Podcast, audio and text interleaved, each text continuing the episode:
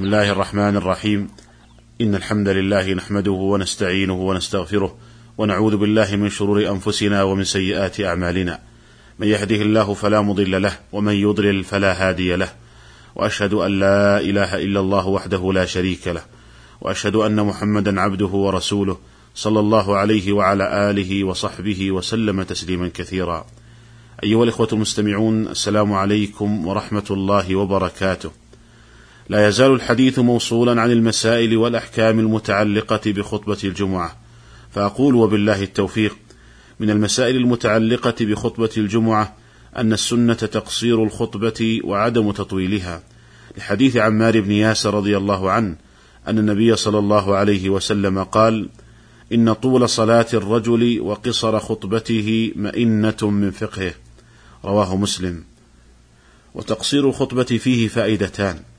الأولى ألا يحصل الملل للمستمعين لأن الخطبة إذا طالت فإنها تمل لا سيما إذا كان الخطيب يلقيها إلقاء عابرا لا يحرك القلوب. الفائدة الثانية أن تقصير الخطبة أوعى للسامع لأن الخطبة إذا طالت أضاع آخرها أولها وإذا قصرت أمكن وعيها وحفظها. فإن قال قائل إن هذا يشكل عليه ما هو معروف من هدي النبي صلى الله عليه وسلم من أنه كان يقرأ في صلاة الجمعة بسورة سبح اسم ربك الأعلى وهل أتاك حديث الغاشية؟ وأحيانا بالجمعة والمنافقون. ومعلوم أن سورتي الأعلى والغاشية ليستا من السور الطويلة. ولو خطب خطبة أقصر من سورة الأعلى والغاشية لكانت قصيرة جدا ولم يحصل بها المقصود من الخطبة. فالجواب أن المراد بالطول والقصر في قوله صلى الله عليه وسلم إن طول صلاة الرجل وقصر خطبته مئنة من فقهه الطول والقصر النسبي. فخطبة الجمعة ينبغي أن تكون قصيرة بالنسبة للخطب الطويلة. وليس معنى ذلك أنها تكون أقصر من قراءة سورة الأعلى والغاشية. ولهذا قدر بعض العلماء خطبة الجمعة بأن تكون في حدود قراءة سورة قاف مرتلة.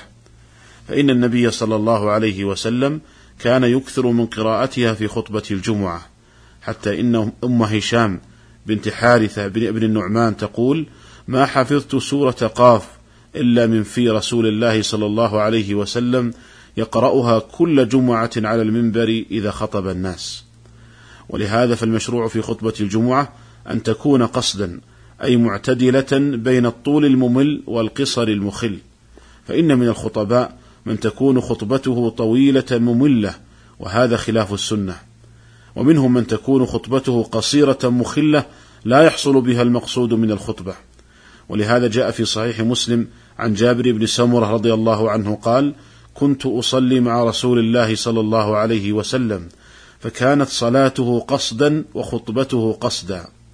وقوله وخطبته قصدا أي معتدلة معتدلة ما بين الطول الممل والاختصار المخل. وينبغي للخطيب أن يبتعد عن الألفاظ الغريبة أو الألفاظ التي لا يفهمها غالب المستمعين. فإن اختيار الخطيب لألفاظ غير مفهومة لغالب المستمعين ينافي المقصود من الخطبة.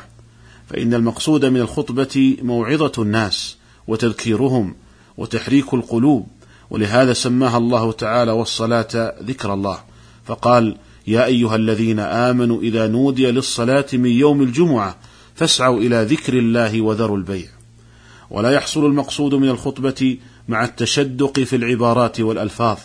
قال علي بن أبي طالب رضي الله عنه حدثوا الناس بما يعرفون أتحبون أن يكذب الله ورسوله؟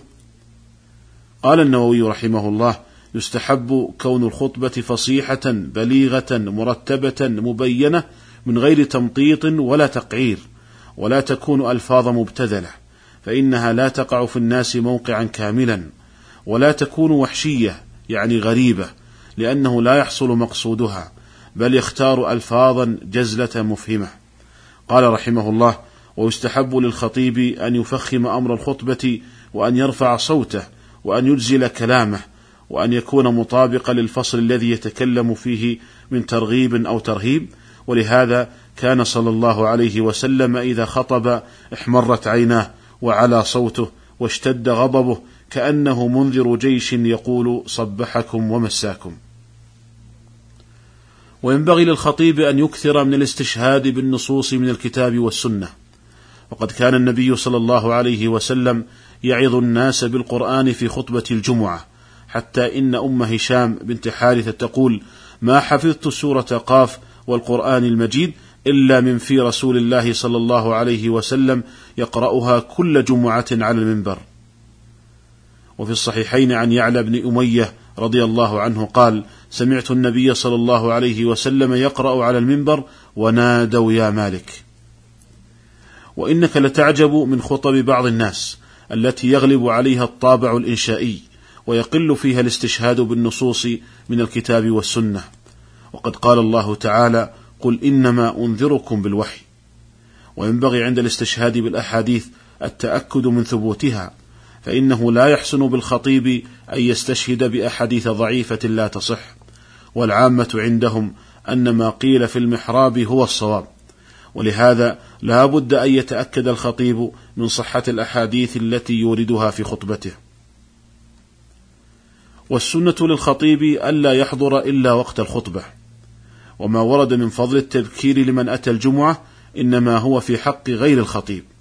قال النووي رحمه الله يستحب للخطيب ألا يحضر للجمعة إلا بعد دخول الوقت بحيث يشرع فيها أول وصوله المنبر لأن هذا هو المنقول عن رسول الله صلى الله عليه وسلم. وإذا وصل المنبر صعده ولا يصلي تحية المسجد وتسقط هنا تحية المسجد بسبب الاشتغال بالخطبة كما تسقط في حق الحاج إذا دخل المسجد الحرام بسبب الطواف.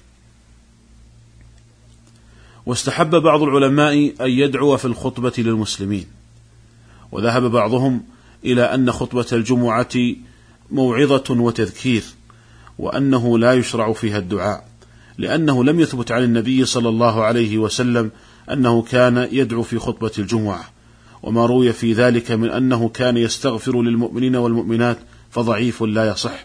ولهذا قال الحافظ ابن حجر في بلوغ المرام إسناده فيه لين. ولكن الأقرب والله تعالى أعلم أنه لا بأس بالدعاء في خطبة الجمعة لأن ذلك الوقت ساعة ترجى فيها الإجابة. ولأن النبي صلى الله عليه وسلم دعا بنزول المطر لما طلب منه الأعرابي أن يستسقي. ولكن ينبغي ألا يطيل في الدعاء فإنه يلاحظ أن بعض الخطباء وفقهم الله وخاصة في الخطبة الثانية يطيل الدعاء. والدعاء في خطبة الجمعة مختلف في مشروعيته أصلا فينبغي ألا يغلب على الموعظة والتذكير الذي هو المقصود من خطبة الجمعة. ويحرم على من حضر الجمعة أن يتكلم أثناء الخطبة.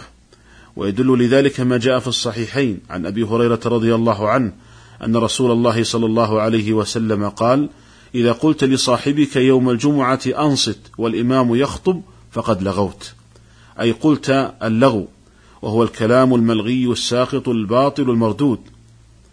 وعن ابن عباس رضي الله عنهما أن النبي صلى الله عليه وسلم قال من تكلم يوم الجمعة والإمام يخطب فهو كمثل الحمار يحمل أسفارا والذي يقول لصاحبه أنصت ليست له جمعة. قال الحافظ ابن حجر في بلوغ المرام رواه أحمد بإسناد لا بأس به. والذي يقول لمن يتكلم وقت الخطبة أنصت إنما هو في الحقيقة ينهى عن منكر ومع ذلك فإنه يلغو ولا جمعة له. فإذا كان من يأمر بمعروف أو ينهى عن منكر أثناء الخطبة يلغو فغيره من باب أولى. ولهذا قال العلماء إن من يحضر الجمعة لا يرد السلام إلا بالإشارة كما لو كان يصلي. فإن المصلي إنما يرد السلام بالإشارة فكذلك المستمع للخطبة وكذا لا يشمت العاطس. أيها الإخوة المستمعون هذا التشديد من الشارع في شأن الإنصات لمن يحضر الجمعة. إنما هو لأجل الانتفاع والاستفادة من خطبة الجمعة. ومن أجل أن يتعود المسلم على التأدب بآداب الحديث فعندما يتحدث إنسان لقوم فينبغي لهم الإنصات لحديثه وعدم التشاغل عنه بأحاديث جانبية أو غيرها فانظروا إلى عظمة دين الإسلام. وقد شمل بتعاليمه كل ما يحتاج له الإنسان فهو هنا يربي أتباعه على التأدب بآداب الحديث وعلى التأدب بأدب المجلس وعلى الإنصات للمتحدث. أيها الإخوة المستمعون ومن تكلم والخطيب يخطب فهل معنى كونه قد لغى أنه يعيدها ظهرا الجواب أن معنى كونه قد لغى أنه قد بطل أجر وثواب جمعته ولكن جمعته صحيحة ولا يؤمر بإعادتها ظهرا باتفاق العلماء. ويدل لذلك ما رواه أبو داود وابن خزيمة عن عبد الله بن عمر رضي الله عنهما أن النبي صلى الله عليه وسلم قال ومن لغى وتخطى الناس كانت له ظهرا قال ابن وهب أحد رواته معناه أجزأت عنه الصلاة وحرم فضيلة الجمعة أيها الإخوة المستمعون هذا ما اتسع له وقت هذه الحلقة ونلتقي بكم على خير في الحلقة القادمة إن شاء الله تعالى. والسلام عليكم ورحمة الله وبركاته.